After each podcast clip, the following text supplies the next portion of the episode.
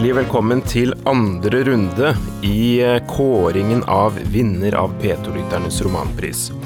Diskusjonene om de seks bøkene, plukket ut av en jury her i NRK som de beste fra fjoråret, startet i går da jurymedlemmer fra ulike steder i landet, samlet her i studio på Marienlyst, startet gjennomgang av tre av de nominerte. Nemlig Maja Lundes roman 'Persevalskis hest', Jens M. Johanssons 'Lavterskeltilbud' og Jon Fosses roman 'Det andre navnet'. Ingen ble stemt ut i går. I dag skal vi diskutere videre. Det er altså um, Roy Jacobsen og Annelise Pitz eh, sin roman 'Mannen som elsket Sibir', Merete Lindstrøms eh, 'Fuglenes anatomi' og Mathias Fallbakkens 'Vi er fem', som står på planen i dag. Og mot slutten av denne sendinga skal tre av de seks nominerte bøkene stemmes ut, slik at vi blir klare til en spennende finale i morgen. Følg med! Kjære jury, hjertelig velkommen tilbake. Takk. Vi skal ta en liten eh, runde. Vi ble litt kjent med dere i går, men som en liten oppfriskning eh, for de mange og for nye lyttere, så skal vi ta runden. Njål, kan du fortelle litt eh, om deg selv? Jeg heter Njål Johansen, eh, bor i Bergen, har gjort det siden 1985, så de fleste vil jo mene at jeg er bergenser, da, men jeg er fra Flekkefjord, eller fra Sira utenfor Flekkefjord, sånn. så litt sørlending har jeg jo igjen. Eh, 54 år gammel, lektor i eh, historie- og samfunnsfagene, og jobber da med privatister. Margrethe Laland, 32 år, kommer fra Jæren. Bor i Oslo og arbeider med bistand og internasjonal utvikling i Norad. Siril Veiåker Nilsen fra Salten, Bodde og Beiarn opprinnelig, men har bodd på, i Mosjøen på Helgeland siden 96. Um, er 43 år, blir snart 44. Er driftsleder ved veitrafikksentralen til Statens vegvesen, som har hele Nord-Norge som nedslagsfelt. 24-7. 365 dager i året. Ja, jeg heter Stein Gramstad. Jeg er vokst opp i Oslo, har bodd litt forskjellige steder rundt i landet, og bor nå på Ustadhuset i det som for noen uker siden het Buskerud fylke, da. Jeg er 64 år, er nå pensjonist, men har et langt yrkesaktivt liv bak meg som pedagogisk-psykologisk rådgiver. Eh, Ja, jeg heter Ragnhild Jacobsen. Jeg bor på Bøler i Oslo, men er egentlig fra Moss. Og jeg er f- 49.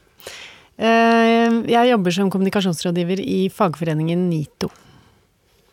Ja, jeg heter Jonas Oppneim. Jeg er 21 år gammel, fra Volda. Eh, og jeg studerer også i samme bygd, der jeg studerer journalistikk. Jeg har ikke gjort så mye i livet, så jeg har liksom bare det å si. Fint. Da har vi eh, et bilde av eh, hvem dere er. Og da skal vi altså bevege oss over til boka 'Mannen som elsket Sibir'. Den er altså skrevet av ekteparet Roy Jacobsen og Annelise Pitz i fellesskap. Og jeg har lyst til å ta runden først rundt bordet og be dere komme med et eh, lite oppsummerende ord eller to om opplevelsen av å lese denne boka. Et fascinerende tidsbilde. Eh, Billedlig. En fascinerende fortelling. Lærerik naturfags- og latintime. Interessant prosjekt. Er det en roman? Nettopp. Da skal vi, eh, før vi begynner på diskusjonen, skal vi høre et lite eh, oppsummerende handlingsreferat eh, fra denne boka. Det er lite sannsynlig at du har hørt om sommerfuglsamleren Fritz Dørris som døde nær 101 år gammel i 1953. Denne romanen ønsker å rette på dette. Dørris etterlot seg erindringer skrevet etter fylte 90, som forfatterekteparet Jacobsen Pitz fikk overlevert fra en av eventyrernes etterkommere for en del år siden. Erindringene er utgangspunktet for denne virkelighetsnære romanen som beskriver Dørris reise til og opphold i Øst-Sibir, et opphold som straks er over 22 år.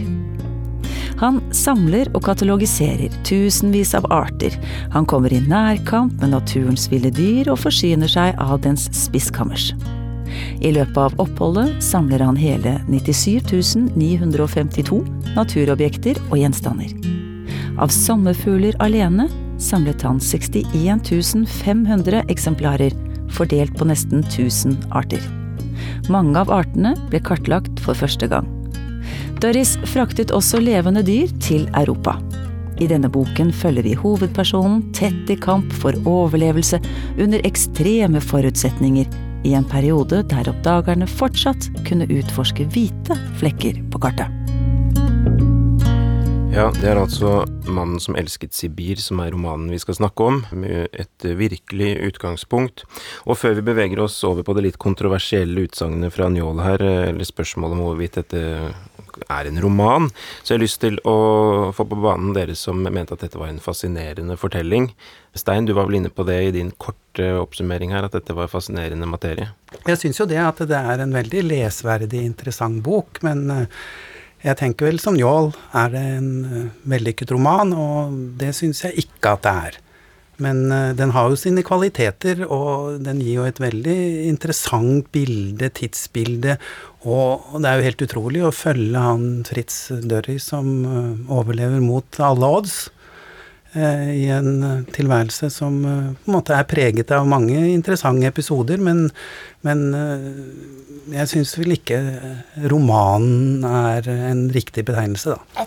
Det er litt den oppfatninga som Njål og Stein har, at den er absolutt verdig å være hovedbok i villmarksliv eller naturfagstimepensum, skulle jeg ta si. Men jeg sliter litt også med eh, altså mer den biografifølelsen kanskje enn roman. Men veldig underholdende i sin sjanger. Altså lærerik og fantastisk. Og for en dedikasjon til et, et oppdrag. Eh, å risikere eh, alt for da denne vitenskapen da, og innsamlinga. Og jeg tenker jeg blir jo veldig fascinert ikke bare av innsatsen der som legges ned eh, i kulda og i årevis, men òg den her kategoriseringa som de òg er så gode på. Altså den nøyaktigheten og den dedikasjonen der, den kan man jo la seg imponere over langt langt eh, Ja. Og det syns jeg jo de har vært flinke å få fram. Mm. Sånn at det er jo fint formidla.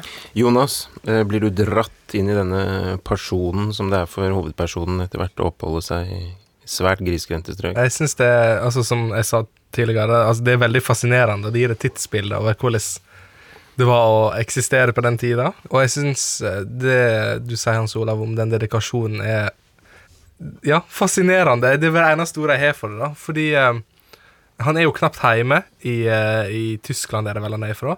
Han fær, Med en gang kommer hjem igjen, så tenker han på neste ekspedisjon, og så reiser han ut igjen. Og, og så syns jeg det er så imponerende, eller jeg vet ikke om det er skjønnlitterært, men han har sånn omsorg for dyra. Han vil, Når han først har skutt et dyr, så vil han på en måte drepe det. da, Han vil ikke at det skal lide. Og han eh, mater dyra.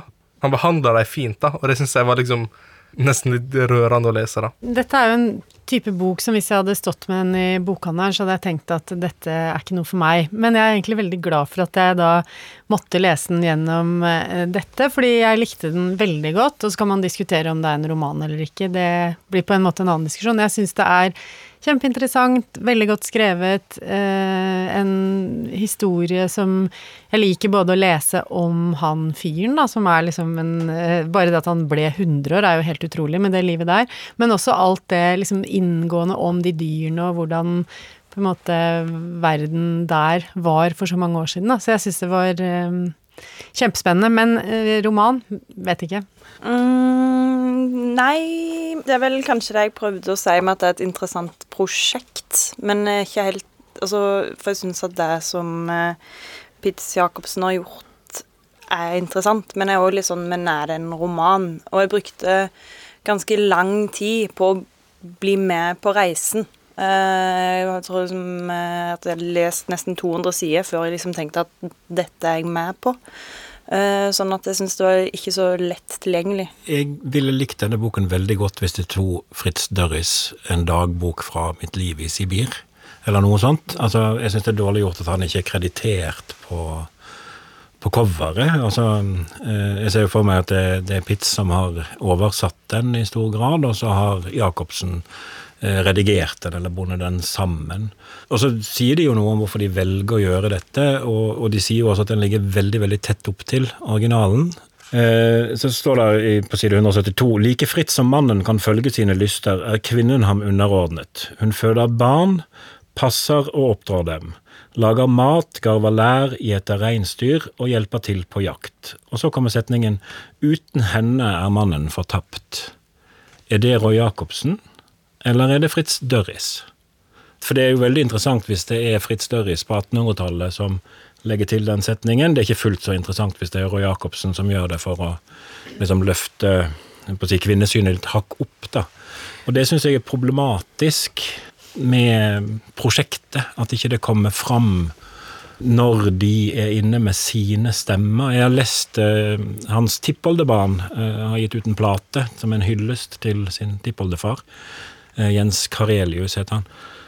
og der har han på hjemmesiden sin så har han et sitat ifra, ifra den teksten til tippoldefaren. Og den er helt lik det er dette drapet på tigeren. og den er på engelsk, men det, det, det er helt parallelt med det som står i boka. Bare for å skyte inn litt kontekst på, på det manuskriptet som Fritz Dørris, Døris selv står bak, så altså Dette er jo hendelser på slutten av 1800-tallet, 22 mm. år. Uh, og så setter han seg ned når han er rundt 90 år, uh, og skriver dette manuskriptet i 1942 i tre eksemplarer uh, til de tre døtrene. Så det er jo begivenheter relativt langt tilbake i tid han beskriver når han skriver dette dette manuskriptet. Er det noen som har lyst til å melde seg på det Njål sier? Ragnhild? Nei, altså Edvard Hoem har jo gjort flere tilsvarende bøker, f.eks. 'Mors og fars historie', og antageligvis også hele den Amerika-historien, også om eh, en tippoldemor eller hva det er som er jordmor. Der opplever jeg nok at uh, han mestrer nok mer å gjøre det over i en roman, da. At uh, det, det, det, blir veldig sånn dagbokaktig, som du nevnte, Njål, som, som gjør at man klarer ikke å fri frigi seg, eller frigjøre seg fra de, den der veldig kronologiske historien. Så, så det svekker nok litt, syns jeg, den vellykketheten til å få oss til å tro at det er en roman. Jeg tror ikke helt på det. Men så har jeg lurt litt på, er det egentlig viktig å snakke om? Ikke sant? Hvor viktig er det egentlig? Jeg hadde fortsatt like stor glede av den boka. Ja, jeg tenker jo at siden det er P2-lytterens romanpris, så, så, føler jeg nesten at den er diskvalifisert. Jeg, altså. Fordi det er litt sånn Roy Jacobsen er et kjent forfatternavn som selger mye bøker. Altså er det vurderingen som er gjort her. Jeg hadde likt denne boka veldig godt. Jeg er veldig glad i den typen bøker. Har lest ganske mange sånne naturskildringer og, og jegere altså blant villmenn og løver i Afrika og sånne ting. Som det finnes jo en del sånne ting. Men, men jeg mista på en måte det når jeg satt og følte at de juksa litt, da, på en måte. ikke sant? Altså Jeg ville, jeg ville hatt Fritz Dørris jeg som forfatter av boka. Jeg er veldig på lik linje med Njål der. Og jeg syns jo på en måte at den blir jo til dels ganske oppramsende. Sånn at den er mm. veldig lite romanaktig til tider. Og jeg har jo en sånn eh, som i og for seg hadde vært en fantastisk beretning i, i en, eh, i en, eh, en sånn dagbok. Men i en roman så blir, i hvert fall for meg, så blir det liksom ikke noe sånn veldig ut av det. Og det er en seanse her hvor hvor eh, de reiser jo rundt i Sibir, og så kommer de da til eh, en sånn falleferdig hytte, som de da må ordne litt på, og så legger de seg der for natten. Og så skriver han da, men jeg kan ikke ha sovet i mer enn et kvarters tid, før madrassen under meg begynte å leve. Det bølget og gynget, så jeg ropte over og vekket Henry, som kunne konstatere at det gynget også under han.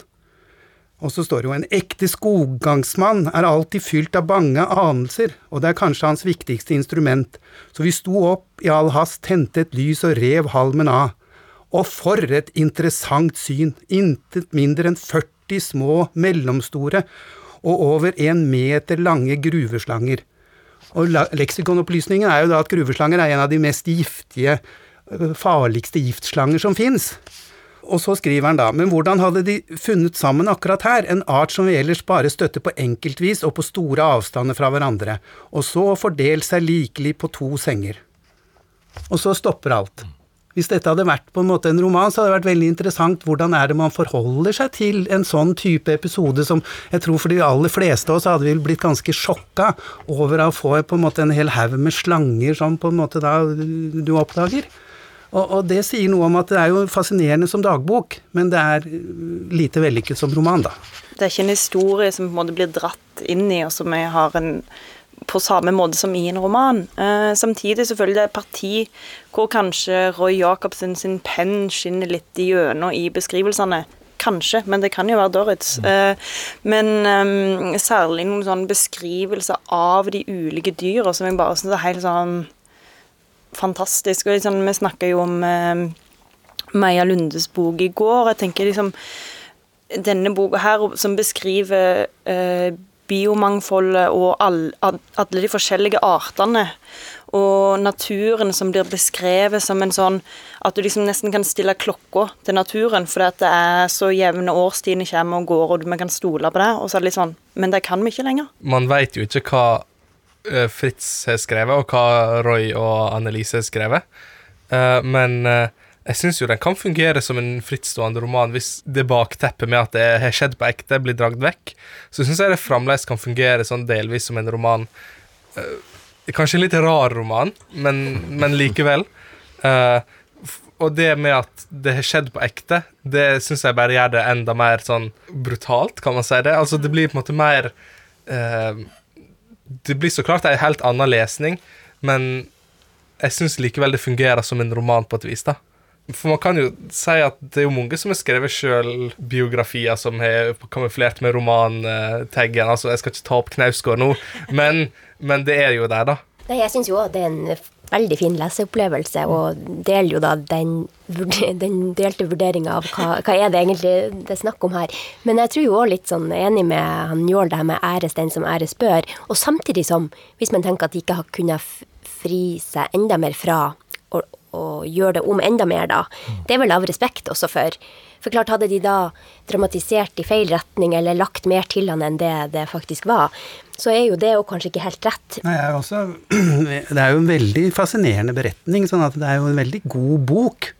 Det syns jeg at det er, og den er jo på en måte nydelig med alle illustrasjoner og, og flott. Det eneste som, hvis man først da skal ta dagbokkonseptet, da, så savner jeg et skikkelig ordentlig kart.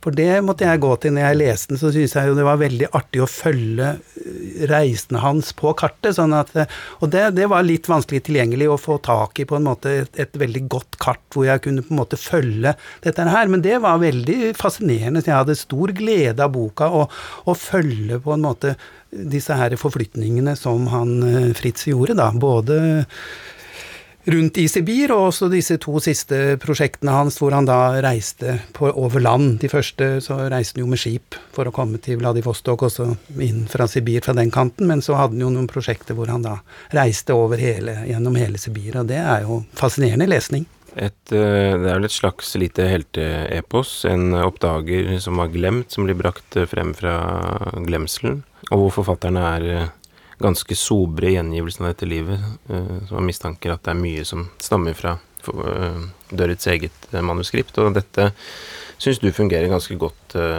Ragnhild? Ja, jeg syns jo det gir meg jo en, liksom en god Både en innsikt i noe jeg ikke ante om, ikke sant, og en person som bare er dødsfascinerende. Så, så Og at de Det kan jo hende at disse dagbøkene var fryktelig kjedelig skrevet, så det, det er jo noe med det at det antageligvis så må liksom forfatteren inn for å gjøre det interessant, da, og putte på et språk som gir deg de bildene og de liksom assosiasjonene og det du trenger for å, for å få en følelse av uh, dette galskapen av et liv som han har levd, da. Så, så sånn sett så syns jeg, ja, det, det, den, sånn sett har jo forfatterne lagt veldig mye inn i noe som kanskje bare var en nøktern beskrivelse. Det vet jo ikke vi. Og hvis man da lar være å diskutere hvorvidt det er det ene eller det andre, så er det jo veldig fint formidla, veldig både lett tilgjengelig og en fantastisk fin historie. Da lar vi det være siste ord eh, når det gjelder eh, Roy Jacobsen og Annelise Pitz sin roman 'Mannen som elsket Sibir'.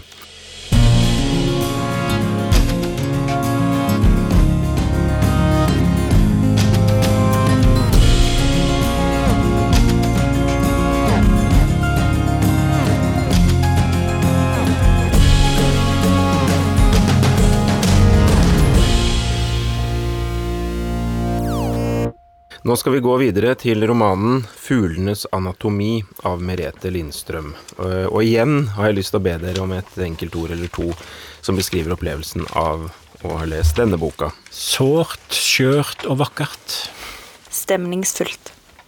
innsiktsfullt og gripende. En krevende roman å komme gjennom. Uinteressant. Utfordrende og litt banal. Oi, oi, oi, hva gjør du der? Dette var det heftigste spliden i forsamlingen eh, så langt, det er det ikke noe tvil om.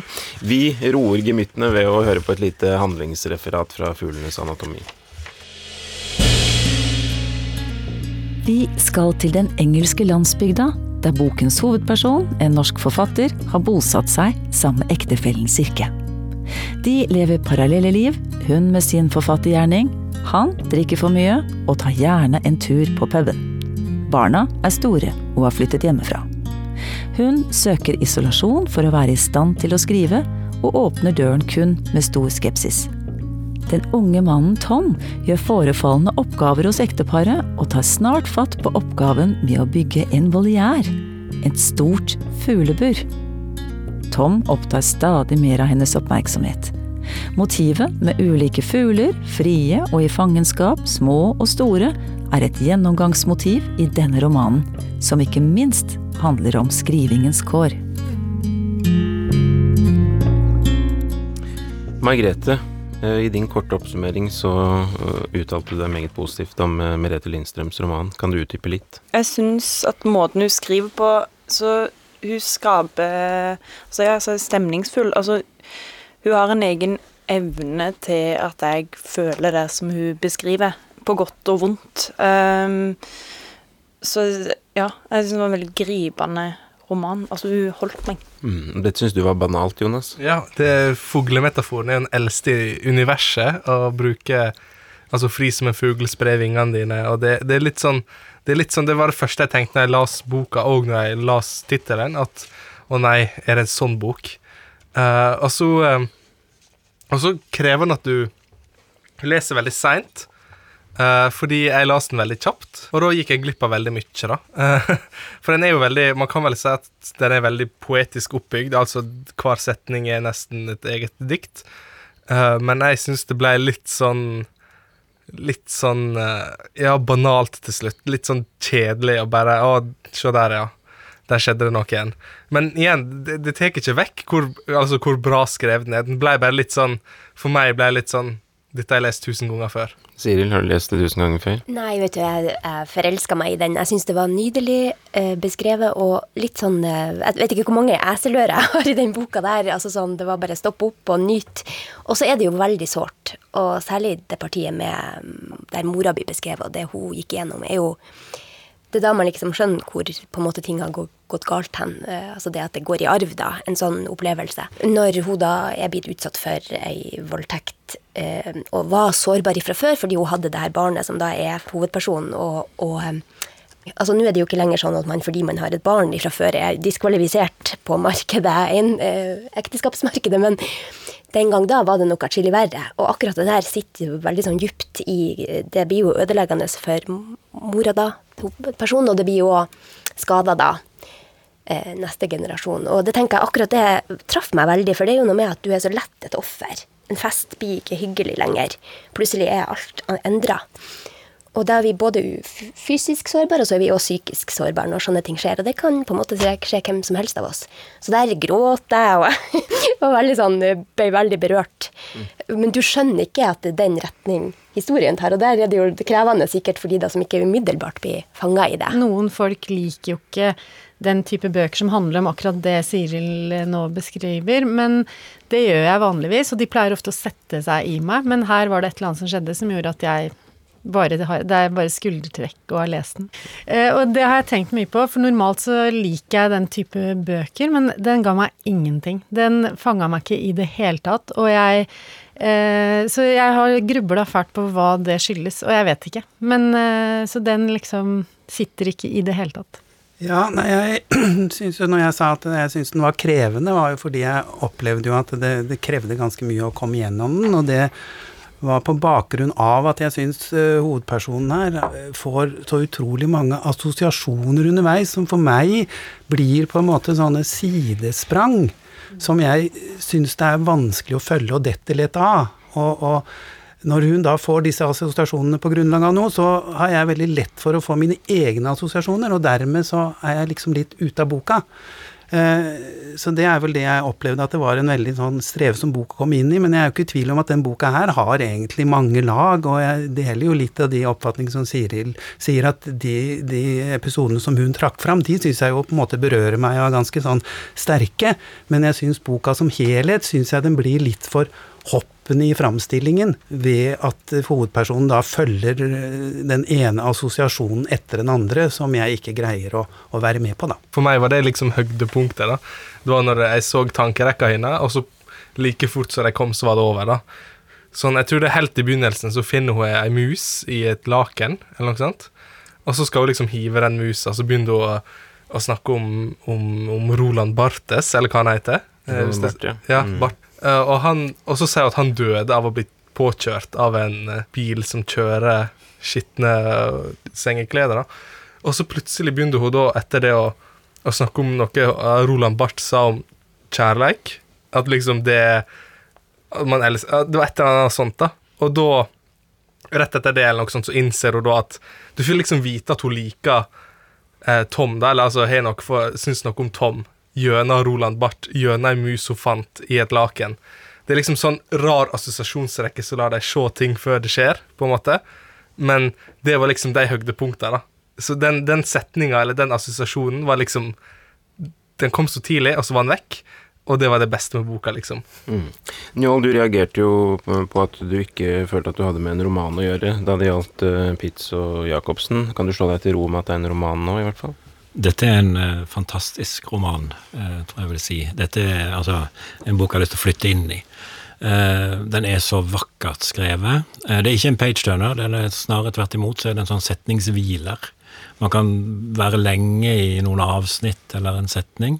Hun har en setning som jeg har hengt meg ved. altså En dag faller hun ned i et hull i seg selv. altså Det er nydelig sagt. sant, og, og til litt til det Stein sa, så, så, skriver hun et sted i boka Det er en av de få eh, referansene hun faktisk har som, som var fuglene. Det er ikke så mye fuglemetafor her, syns jeg de er nå med der, hun skal bygge denne volieren. Men, men, hvor hun sier dette om at, at, eh, at, fuglene, når hun setter de inn i volieren, så, så, så, flyr de, og så, akkurat som tankene, skriver hun.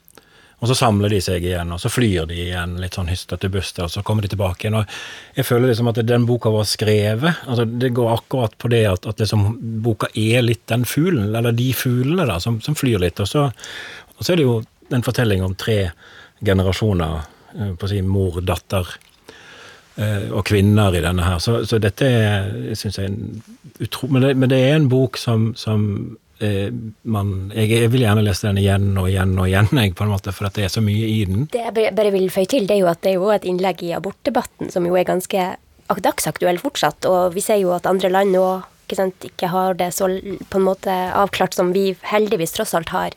Eh, jeg tenker på, Nå var det jo senest og dokumentert det her med hvordan måtte man gjøre det før. At man måtte oppsøke illegalt og få det skrapa ut osv. Og, så og det er jo en ganske sånn kvinne... Et innlegg i den der debatten. Og la oss nå for all del ikke komme tilbake på en måte dit. Og samtidig som uansett at man blir på en måte har får da hjelp til løsninga som ble, ble, den, den, ble i dette tilfellet, så er det jo et, et traumatisering. Margrethe, språkføringen og språkfølelsen i boka, hva syns du om den?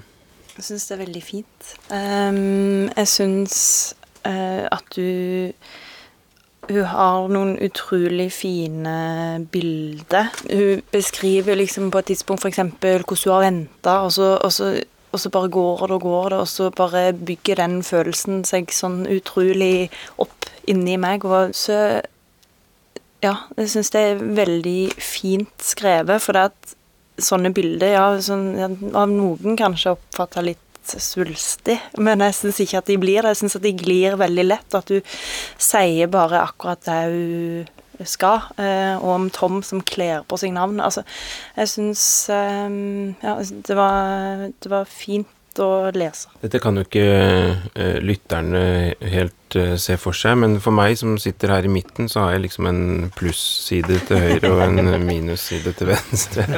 Stein, du er en diplomatisk skikkelse her i midten, kanskje? Ja, jeg ser jo at boka, eller opplever jo at boka har mange kvaliteter, da, men jeg syns noe av formen gjorde at den ble veldig sånn tungt tilgjengelig, da. Når jeg hadde lest den, så var det jo mer en sånt uh, Hvor du i og for seg du var preget av den, men det var ikke en bok som på en måte man tenkte at oi, dette hadde, var et uh, velsmakende måltid. Det var mer en, en kamp for å få rense alle rekene, på en måte.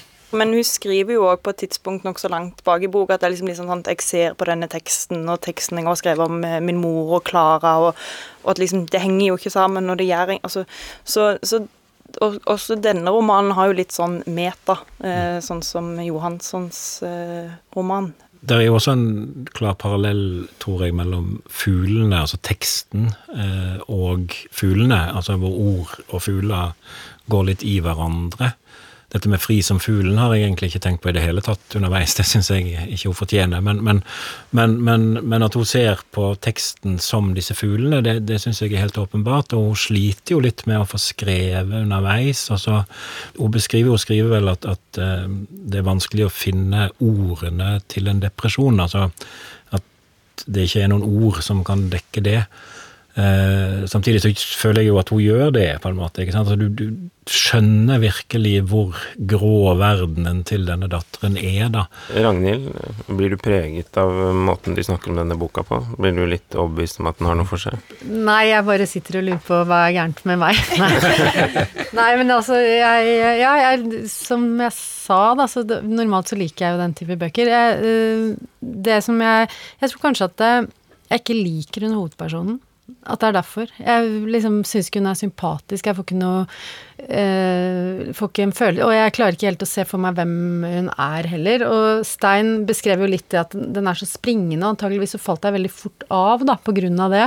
Og da setter liksom ikke karakteren seg i meg, og da blir det uinteressant. Jeg klarer ikke å på en måte Orker ikke å lese ordentlig, fordi det, jeg, jeg finner ikke personen, liksom.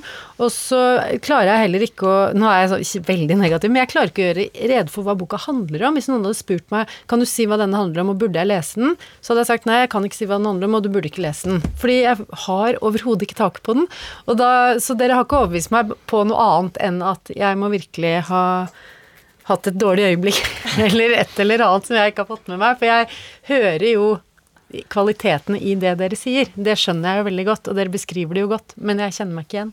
Eh, bare for å ile til, så har jo jeg anbefalt den i øst og vest, for å si det sånn. Sånn at jeg er jo blitt ambassadør for den, da. Men eh, eh, nei, jeg, kanskje jeg satt igjen da med den eh, eh, At det, det livet vi havner oppi, kan være prega av så mange ting. Og gjerne handler det om de vi har nærmest, altså foreldrene våre, og eventuelt at man ikke har en far eller ei traumatisert mor.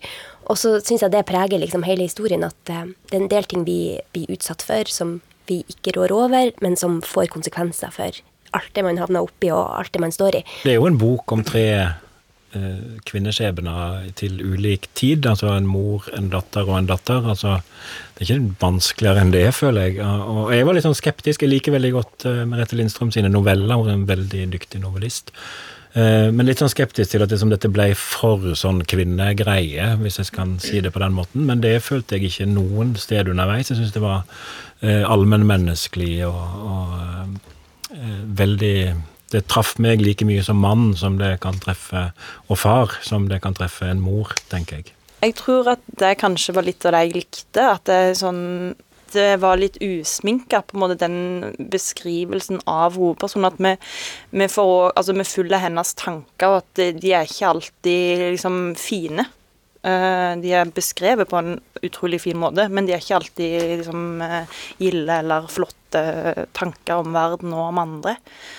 Men eh, apropos det Ragnhild sa om at det er vanskelig å gjenfortelle handlingen her, så opplevde jeg at du, Jonas, syns dette er episodiske, disse små, smånovellene inni boka var litt av styrken ved den. Ja, altså det hun styrker henne, som jeg mener, det er jo språket hennes. Det er ikke noen tvil på at hun er kjempeflink forfatter, men jeg er enig med Ragnhild om at jeg kan ikke gjenfortelle handlinga, og jeg kan ikke Jeg veit egentlig ikke så mye om boka annet enn at Ja, alle, alle, alle assosiasjonene, på en måte. Da. Det er det jeg sitter igjen med, at jeg vet nå at hun er språklig sterk, veldig flink forfatter, men at 'Fuglenes anatomi' sin uh, si handling bare var helt vekk for meg. Og Jeg vet ikke om det går på min sympati, at jeg har ikke sympati for hovedkarakteren, eller hovedpersonen, da, eller om du går på at jeg faktisk ikke fikk noe ut av det. Jeg er jo i og for seg, jeg deler jo på en måte den oppfatningen som både Jonas og Ragnhild gir uttrykk for når det gjelder på en måte øh, boka, men samtidig så, så har jeg jo på en måte jobba såpass mye med den at jeg på en måte da er enig med disse her øh, Njål og Margrethe og Siril som, som liker boka, da. Sånn at, men jeg, jeg, jeg jeg er i og for seg enig med alle de andre fem, jeg. det var altså Merete Lindstrøms 'Fuglenes anatomi' vi har snakket om uh, nå, som uh, delte forsamlingen interessant nok i to leire. Nå skal vi gå videre til uh, den sjette boka som skal bli underlagt diskusjon, nemlig Mathias Fallbakkens 'Vi er fem'.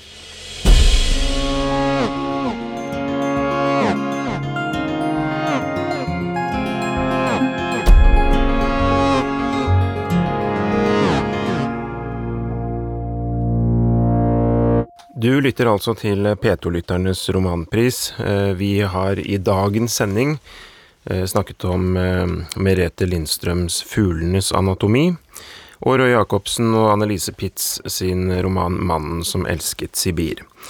Nå skal vi over på Mathias Fallbakkens roman 'Vi er fem'. Og først en liten runde rundt bordet med et ord eller to til oppsummering. Absurd og vittig. Morsom og aktuell. Underfundig og forunderlig. Original og underholdende. Ubehagelig. Wow. ja, da um, lar vi det wowet henge litt i luften, og så skal vi høre en, uh, et lite handlingsreferat fra VR5. Vi skal til det fiktive småstedet Råsett, et sted på flatbygdene, snaue tre timers kjøring fra hovedstaden. Her lever hovedpersonen Tormod Blystad og hans familie bestående av konen Siv og barna Alf og Helene. De bor i et hus som Tormod har bygget selv. Tormod og Siv er ungdomskjærester, og det var Siv som fikk Tormod ut av uføret da han i yngre år ble rusmisbruker. Begavelse for elektronikk gjorde ham tidlig ettertraktet i den store verden, men han lar ikke ambisjoner føre ham bort fra hjemstedet. Mesteparten av romanen skildrer perioden etter at Tormod har blitt familiefar, og stort sett holder sine mørke sider i sjakk. Men ganske snart vies hele oppmerksomheten til foredlingen av en leirklump, som får liv, og som blir familiens gode hjelper. Men i det lengre løp blir den levende leirklumpen bygdas store skrekk. Sånn er det i eh, Mathias Fallbakkens roman 'Vi er fem'. Stein, vil du begynne ballet?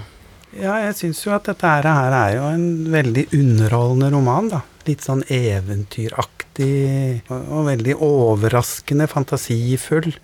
Jeg syns han har på en måte noen gode sånne personkarakteristikker, og jeg syns akkurat den der grep han gjør sånn sånn språklig at fortelleren både eh, forteller og så kommenterer han på en måte sin egen fortelling underveis, gjør at det blir en veldig sånn artig lesning. Og det er jo en artig historie han har funnet på. så nå er jeg litt sånn jeg leser, så skal jeg liksom skjønne det jeg ikke skjønner. Og da gikk jeg litt inn i denne her leirmaterien, og, og, han har gjort en god research når det gjelder da ulike former for leire, og når det da går fra å være sand til leire, og hvordan da partikkelstørrelsen avgjør det, og at du kan på en måte kjenne det ved å ta det i munnen, og hvis det knaser, så er det så og så stor partikkelstørrelse. Så jeg syns jo det er en veldig sånn gjennomført roman, og en spennende roman. Uh, ja, så altså, jeg sa jo ubehagelig uh, om denne boka. Det er litt sånn, uh, ja, morsom, men stemningen som vokser fram med denne leirklumpen som kommer litt sånn til liv, og Det ble som å lese Altså ikke en uh, Men litt sånn horror, på en måte. Eller sånn at Litt sånn spenning. Måten forfatteren skriver på, gjør at en sånn ubehaget med denne leirklumpen som kommer mer og mer til liv, og plutselig er på vandring. Det blir Ja. Nei, altså For det første så vil jeg kommentere liksom selve grepet, hvis du tar det litt bort fra handlingen, men selve grepet at han har jo brukt litt sånn eventyrtradisjon i, eh, i innledning, liksom hvordan han forteller, hvordan han lager, på en måte iscenesetter alt sammen, da, som minner om sånn som eventyr er bygd opp. Og det syns jeg er kult at, og modig at man gjør som en jeg å si, intellektuell fyr. Uh, og så er det jo selve temaet, uh, som jeg er Det er jo veldig aktuelt. Jeg jobber jo i NITO, som er en organisasjon for ingeniører, og kunstig intelligens er jo noe av det vi eh, snakker mye om, og vi snakker mye om etikk og kunstig intelligens. Så denne her boka inspirerte meg faktisk til å skrive en kronikk på vegne av NITO om kunstig intelligens. Vi brukte, in, brukte boka som en slags inngang, for det er jo det jeg oppfatter at denne egentlig handler om, pakka inn i en, eh, noe ikke-teknologisk, altså denne leirklumpen, og så er det egentlig det som skjer i samfunnet nå, med at man utvikler kunstig intelligens og en del andre ting som man ikke har kontroll på. Så derfor så mener jeg at den er en, en kommentar på en måte til noe som faktisk er ganske viktig i samfunnsutviklinga. Njål, du kom med dagens korteste, forbilledlig korte oppsummering. Wow, hva er din uh, oppsummering av denne boka? Jeg syns det er en fantastisk roman, fordi at den er så mye. Eh, jeg hadde faktisk ikke tenkt på den, eh, iallfall ikke så stor Jeg har tenkt på, på, AI eller sånn kunstig intelligens, men ikke som en kommentar på det, og det er kanskje litt interessant. Men for en historiker så er det jo masse mat her, på en måte. ikke sant? Altså det er referansene til, til Jeg går ut ifra at Tormod er Thor, og Siv er kona til Thor i norrøn mytologi, på en måte. ikke sant? Og hvor håret til Siv er jo et poeng også i mytologien. ikke sant? Altså det kraftfulle som ligger i håret, som, som, går igjen hos denne Siv, som mister litt sin glød, egentlig, når hun klipper håret kort og, og sånn. Så det er masse sånn, og det er jo denne skapelsesmytene som er Og det litt morsomme her er jo at en, en av de få skapelsesmytene som ikke har en leireklump, er jo eh, norrøn, for der er det to trestokker. Mens altså, du har jo Adam blir jo pusta liv i av Gud, det er en jord eller støv. og i eh, hinduismen så har vi Ganges, som er av leire.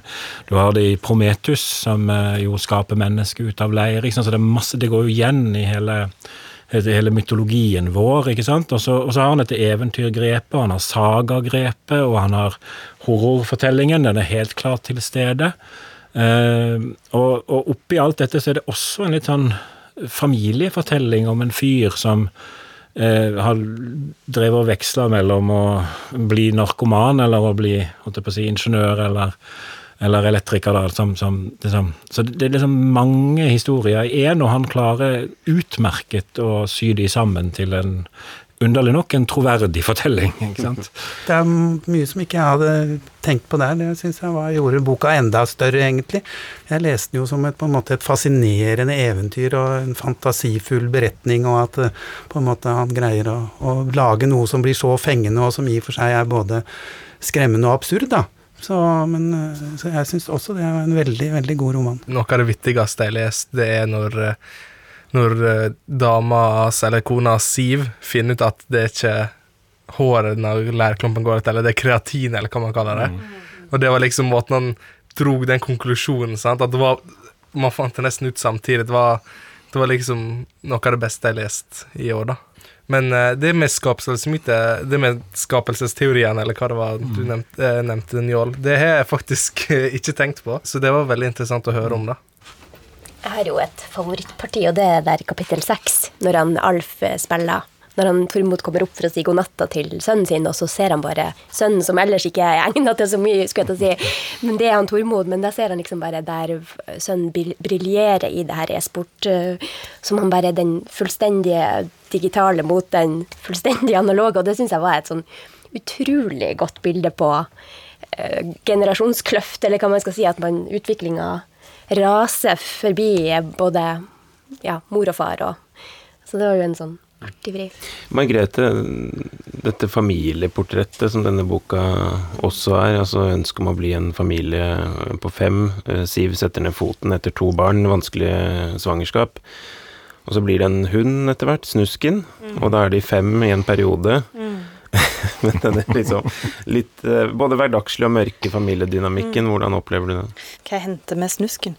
Uh, ja, var det snusken? Ja. Mm. Um, og så Det litt sånn som Siril var inne på, med han eh, sønnen som spiller dataspill. Uh, og det er jo òg Altså, Tormod er en veldig kjærlig far, får, man, får en inntrykk av. Og sånn, tar barna med ut i garasjen, og de har dette som en hemmelighet eh, i lag. Eh, og Siv er litt sånn Håper jeg er det ostepop og drikker Pepsi Max og ligger på sofaen, på en måte. Eh, så kanskje ikke helt kjærlig mor lenger, eh, og ikke litt mindre til stede i familien kanskje enn Tormod er. Sånn at jeg syns det er en litt annen familiedynamikk enn det vi har sett og snakket om de, i de andre romanene, og, og at eh, Tormod eh, er en farsperson. Eh, kanskje bortsett fra når han får besøk av denne kompisen sin igjen, og de eh, virkelig får fart på klumpen, og de ruser seg og sånn. Det er veldig kjekt med en roman der det er en far som fungerer. Mm. ja, ikke minst. Jeg har jo ikke sans for uh, narko narkotika, men det, det, er jo det er nesten sånn at du For det første syns du han er veldig god når han, når han uh, tar for seg part, de partiene der som, som man egentlig blir litt revet med av. Og så syns jeg jo det Det synes jeg jo er en kunst. Å gjøre det overfor meg til noe som man nesten som ikke gjør noe med Tormod sin fars farsrolle eller altså, troverdighet, eller at jeg ser ikke ned på han, som jeg jo kanskje ellers kanskje ville ha tenkt at hei, du burde ikke vært far, eller du burde ikke Det er jo veldig utrolig interessant. Uh, så dyktig gjort, rett og slett. Det som er, og som, som, jeg, som sier litt om kvaliteten på boka, det er jo at vi sitter eh, seks ulike mennesker med ulike innfallsvinkler. Eh, du har AI, du syns det er en morsom bok, du har lest en familiehistorie. Jeg har med historikerens blikk liksom sett disse referansene bakover i tid og til norrøn mytologi og sånn, og du syns det er en horrorbok. Altså, han klarer på en måte å skrive en bok som vi alle finner noe i, eh, og som vi kan finne mer i. Altså, den, jeg har også sett familiehistorien og sånn, og så, og så ble jeg veldig opptatt av at ja, jøss, hvis det da eh, kunstig intelligens som er tema her. ikke sant? Det, det, er jo et Altså, den kan leses som veldig mye, denne boken. Jonas, syns du at den er eh, dyp nok?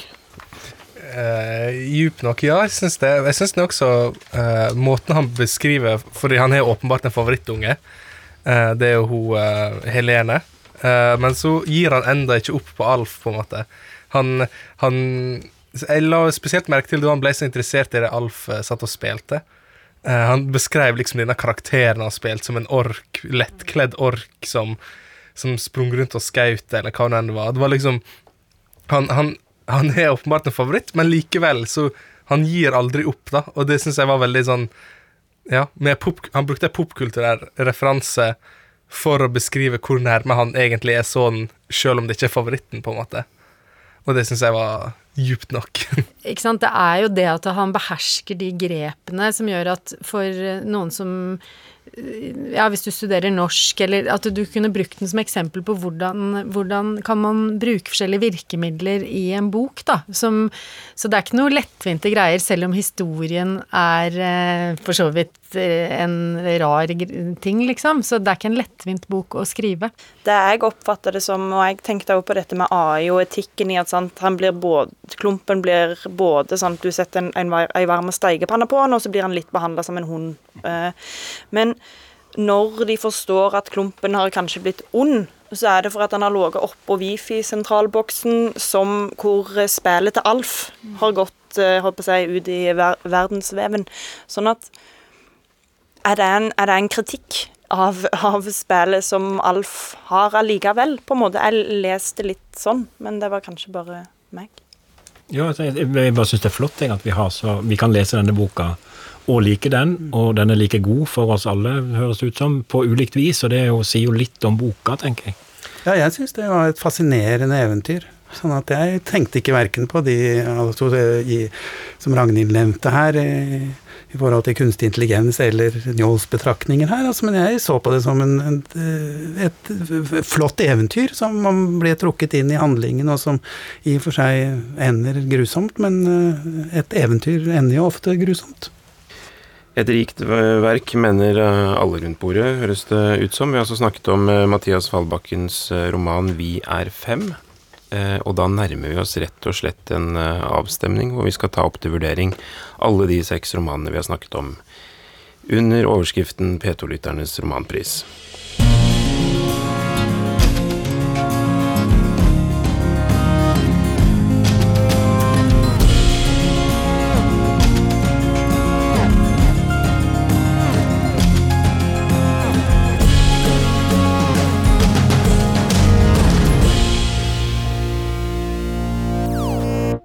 Dere, nå har vi altså diskutert i løpet av to programmer seks romaner, og nå nærmer det seg eh, utstemning. Vi skal kvitte oss med, må jeg lov å si det, vi skal kvitte oss med tre romaner, og det skal foregå på følgende måte, med negativ metode, der eh, poeng fordeles på de bøkene jurymedlemmene helst vil ha ut.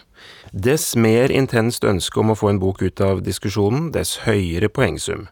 Ett poeng tildeles eh, kanskje tvilstilfelle, eh, to poeng eh, tildeles mellomboka av de du ønsker ut, og tre poeng tildeles den boka du ikke under noen omstendighet ønsker å ha med videre i kåringen av P2-lytternes romanpris, av smaksmessige eller strategiske årsaker. Da kan dere fordele deres poeng så kommer vi tilbake til en runde rundt bordet hvor vi får høre hvilke tre bøker som skal ut.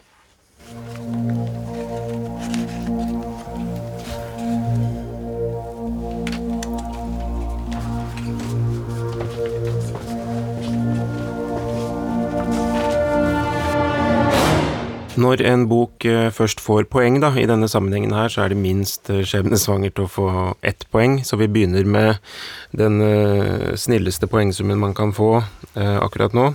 Jonas, hvilken bok er det du tildeler ett poeng? Persevalskis hest. Ragnhild? 'Mannen som elsket Sibir'. Stein? Lavterskeltilbud. Persevalskis hest. Persevalskis hest. Lavterskeltilbud. Det var altså bøkene som fikk ett poeng. Eh, nå skal vi høre hvilke bøker som får to poeng av jurymedlemmene. Njål. Det andre navnet. Mannen som elsket Sibir. Det andre navnet. Mannen som elsket Sibir. Przesvalsis hest, som jeg ikke helt klarer å si. Mann som elsket Sibir. Det var bøkene som fikk to poeng, og så da den verste poengsummen man kan få, tre poeng. Vi begynner med deg, Jonas. Hvilken bok har du tildelt tre poeng? Fuglenes anatomi. Eh, Fuglenes anatomi. Fuglenes anatomi. Mannen som elsket Sibir. Lavterskeltilbud. Mannen som elsket Sibir. Da har jeg brakt på det rene hvordan disse poengene har eh, fordelt seg.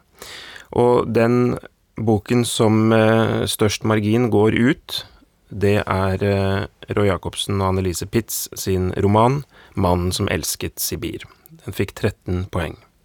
En roman som også går eh, ut, og det er det nok flere rundt bordet som syns er en trist affære, det er Merete Lindstrøms 'Fuglenes anatomi'. Og så er vi i den situasjonen, det er sånn som kan oppstå, at to bøker har fått lik poengsum. Både Persevalskis hest og lavterskeltilbud har fått fem poeng. Da må vi altså gjøre en ny avstemning, hvor dere på en lapp skriver enten P for Persevalskis hest eller L for lavterskeltilbud, og den bokstaven indikerer altså den boka man ønsker ut av denne romankonkurransen. Har dere forstått premisset? Ja.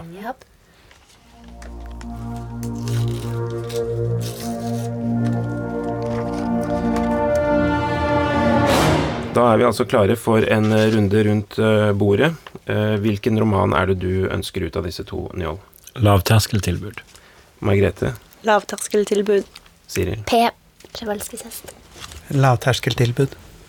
P for prevalskisk hest. Persvalskisk hest. Da er det 3-3 igjen. Da er vi altså i den spesielle situasjonen at bøkene igjen har fått samme poengsum, og nå går vi mer drastisk til verks. Vi har en viss erfaring med dette i romanprissammenheng. Og nå skal vi fordele ti poeng på to bøker, hvor dere da skal vekte det på den måten at den boka dere liker minst, igjen får flest poeng, og den dere liker best, eh, får færrest.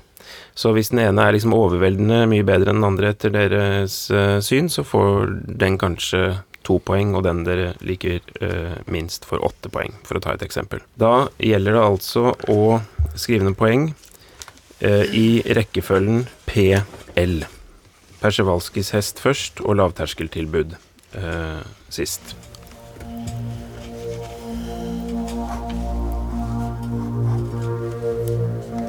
Er alle klare? Jonas, Persevalskis hest får Ni. og lavterskeltilbud. Én. Ja, så bare for å ta det, så vil du virkelig at Persevalskis hest skal gå ut Ja, i forhold til i lavterskeltilbud. forhold til lavterskeltilbud. Ragnhild. Eh, Det samme, ni til eh, ja, som jeg ikke klarer å si, P, og én til eh, lavterskeltilbud. Persevalskis hest fire. Lavterskeltilbud seks. Persevalskis hest seks og lavterskeltilbud fire. P4 L6. Persevalskis hest null. Lavterskeltilbud ti. Ok, så det, dette må vi faktisk regne på. 22, 23, 32 Det kan fort ende opp Ja, da ble det altså sånn at uh, Persevalskis hest fikk 32 poeng, og lavterskeltilbud fikk 28 poeng. Det betyr at dere har stemt Persevalskis hest ut av P2-lytternes romanpris, og lavterskeltilbud har fått beholde plassen til finalen i morgen. Må jeg komme i morgen? Det betyr altså at når vi møtes til en eh, åpenbart spennende finale i morgen, så er det følgende tre romaner det står mellom. Det er eh, Det andre navnet av Jon Fosse. Det er Mathias Fallbakkens Vi er fem.